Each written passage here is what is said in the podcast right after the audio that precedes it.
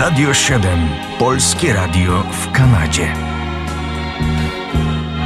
No a teraz ten dzisiejszy dzień, czyli 20 listopada w kalendarium muzycznym. A to bardzo gitarowy dzień. Zaczynamy w roku 1944. Anglia. Przychodzi na świat producent muzyczny Mike Vernon.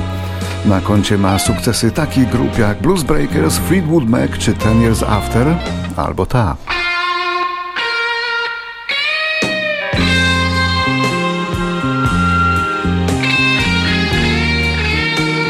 Najwięcej zawdzięcza mu jednak holenderska grupa Focus.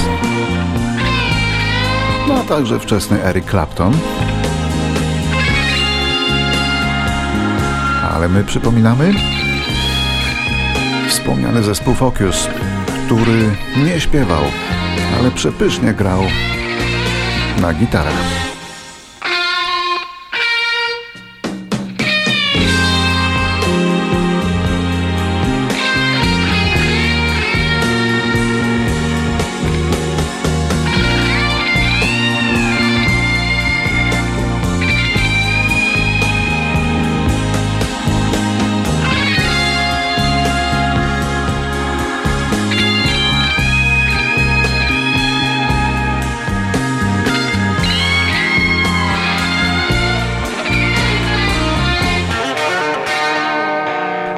1946 to rok urodzenia genialnego gitarzysty, który mógłby być totalnie wybitny, ale za wcześnie zginął.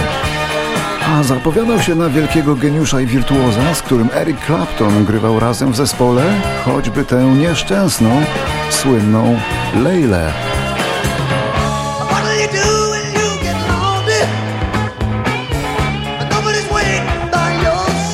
Chodzi oczywiście o Dwayne Allmana z grupy The Allman Brothers Band, który był jednym z najwybitniejszych białych gitarzystów lat 60.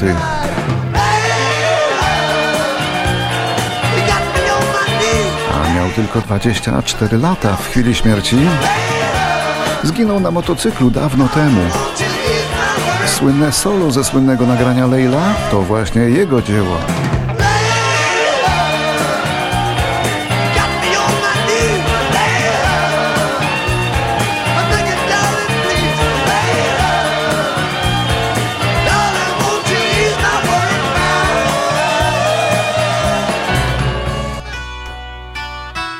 1947 Gitariady ciąg dalszy, bo kolejne urodziny ma dzisiaj siwo włosy gitarzysta Joe Walsh, rocznik 47. Był gitarzystą grupy The Eagles, z którą związany był ponad 40 parę lat. Znany także z wielu dokonań solowych, jego szwagrem jest Ringo Starr, a dzisiaj Joe Walsh ma swój kanał na YouTube, gdzie naucza gry na gitarze, taki tutorial. Każdy filmik ma ponad milion obejrzeń to już coś znaczy. Jego majątek ocenia się na około 75 milionów, to dużo, ale w porównaniu z Polem McCartneyem na przykład, no to nic. McCartneya wycenia się na grubo ponad miliard dolarów.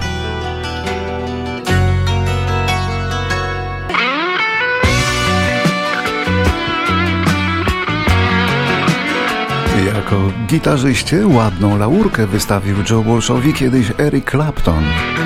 A powiedział tak: Nie słucham wielu płyt, ale wśród tych niewielu zawsze słucham Joe Walsha.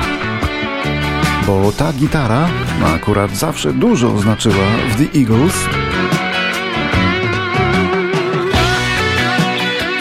No i mamy słynne solo w hotelu California. To też dzieło Joe Walsha, a uznane jest powszechnie przez krytyków za jedno z najlepszych, jeśli nie najlepsze, w całej historii rock'n'rolla. Przypomnijmy je sobie, choć co tu przypominać.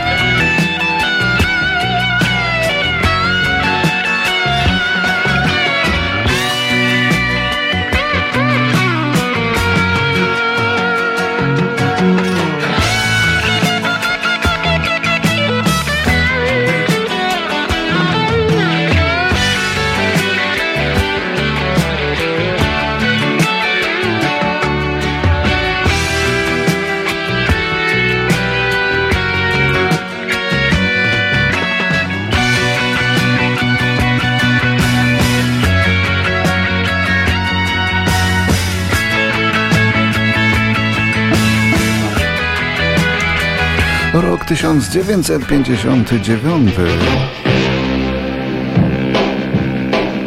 Legendarny DJ wczesnego rock'n'rolla Alan Freed, który 8 lat wcześniej był pierwszym człowiekiem, jaki użył określenia rock and roll jako gatunku muzycznego, traci pracę w telewizji WABC w Nowym Jorku za to, że nie chce publicznie powiedzieć, że nigdy nie wziął łapówki za granie określonych piosenek. Końcu złożył takie oświadczenie. Mr. Freed, uh, did you ever accept payola to play a record? No, I did not. At no time. No time and no, no further comment. Ale było już za późno. Świadkowie zeznali inaczej. Nikt nie uwierzył, że nie jest uwikłany w skandal łapówkarski i kariera Alana Frida, ojca terminu rock and roll, legła w gruzach.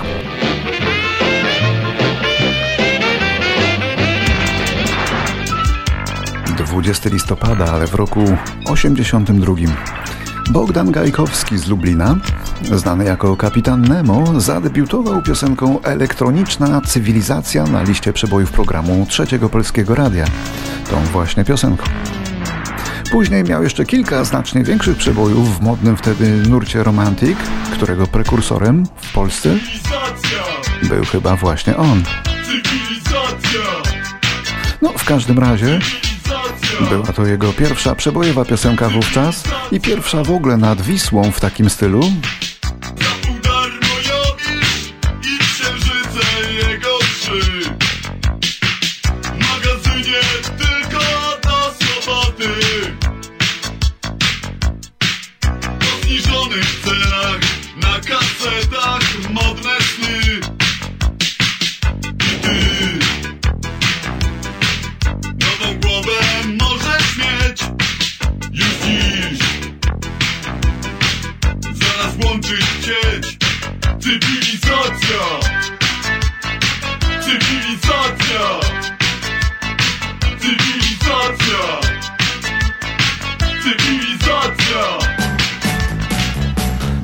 2002 Stevie Wonder, czarnoskóry, ociemniały geniusz muzyczny, wyraził swe rozczarowanie książką swojej matki. A matka jego w swej autobiografii napisała wprost, że młody Stevie stracił swe dziewictwo z prostytutką. Powtórzyła to za książką cała prasa, jak Ameryka długa i szeroka i w następnych wydaniach tej biografii już takiego wyznania nie było.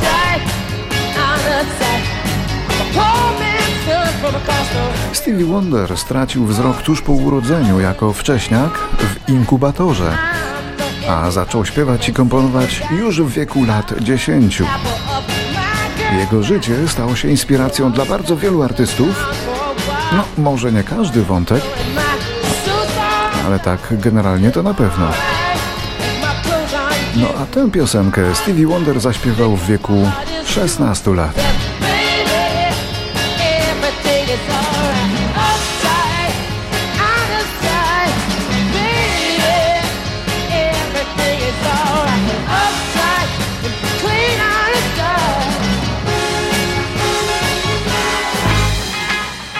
A tę piosenkę z kolei Michael Jackson zaśpiewał mając 12 lat. A co się z nią wiąże? Nic. Ale z Michaelem niedobrze wiąże się 20 listopada roku 2003 w Santa Barbara. Jackson został wtedy formalnie oskarżony o molestowanie seksualne i to jeszcze nieletniego. Ale po uiszczeniu 3 milionów dolarów kaucji został wypuszczony na wolność.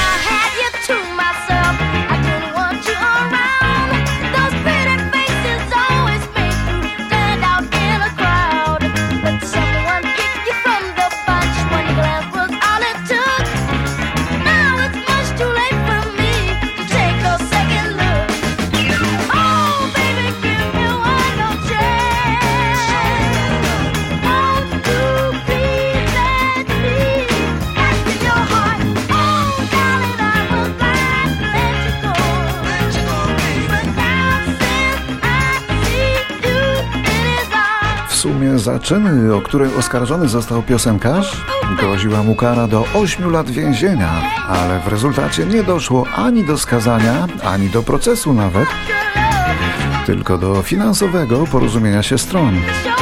A swoją ponurą tajemnicę Michael Jackson zabrał do grobu.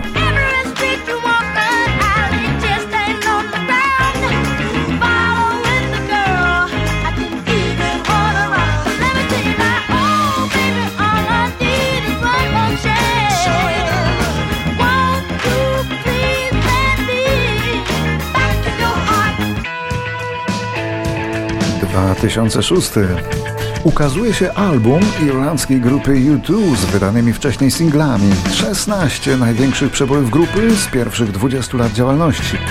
Warto mieć tę płytę, są na niej takie rzeczy jak New Year's Day, One, Pride in the Name of Love, Beautiful Day, no same największe hity, które są świadectwem wielkości tej irlandzkiej kapeli.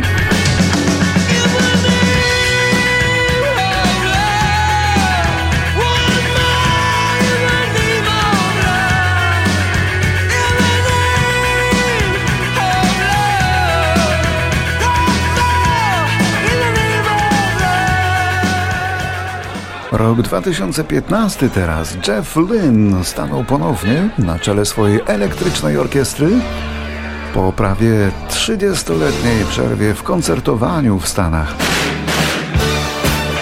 Wystąpił z nią na maleńkiej plaży w Nowym Jorku.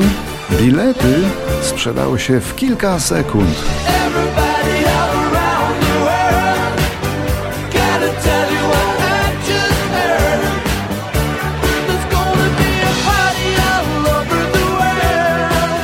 Koncerty jego orkiestry sprzedają się zawsze na pniu, bo oprócz muzyki są wyjątkowo mistrzowsko oprawione światłem i efektami. Niestety, zaraza nam to wszystko odwleka, czas płynie, no a Jeff Lynne do najmłodszych nie należy.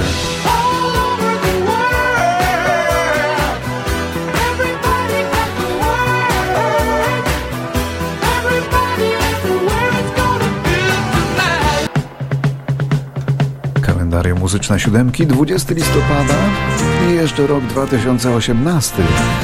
Po operacji biodra doszło do komplikacji i umiera. Umiera w wieku 81 lat zasłużony amerykański producent i twórca piosenek o nazwisku Scott English. Twórca wielu znanych piosenek z repertuaru największych gwiazd. Jedną z pierwszych była ta Band Me Shape Me jeszcze w roku 68.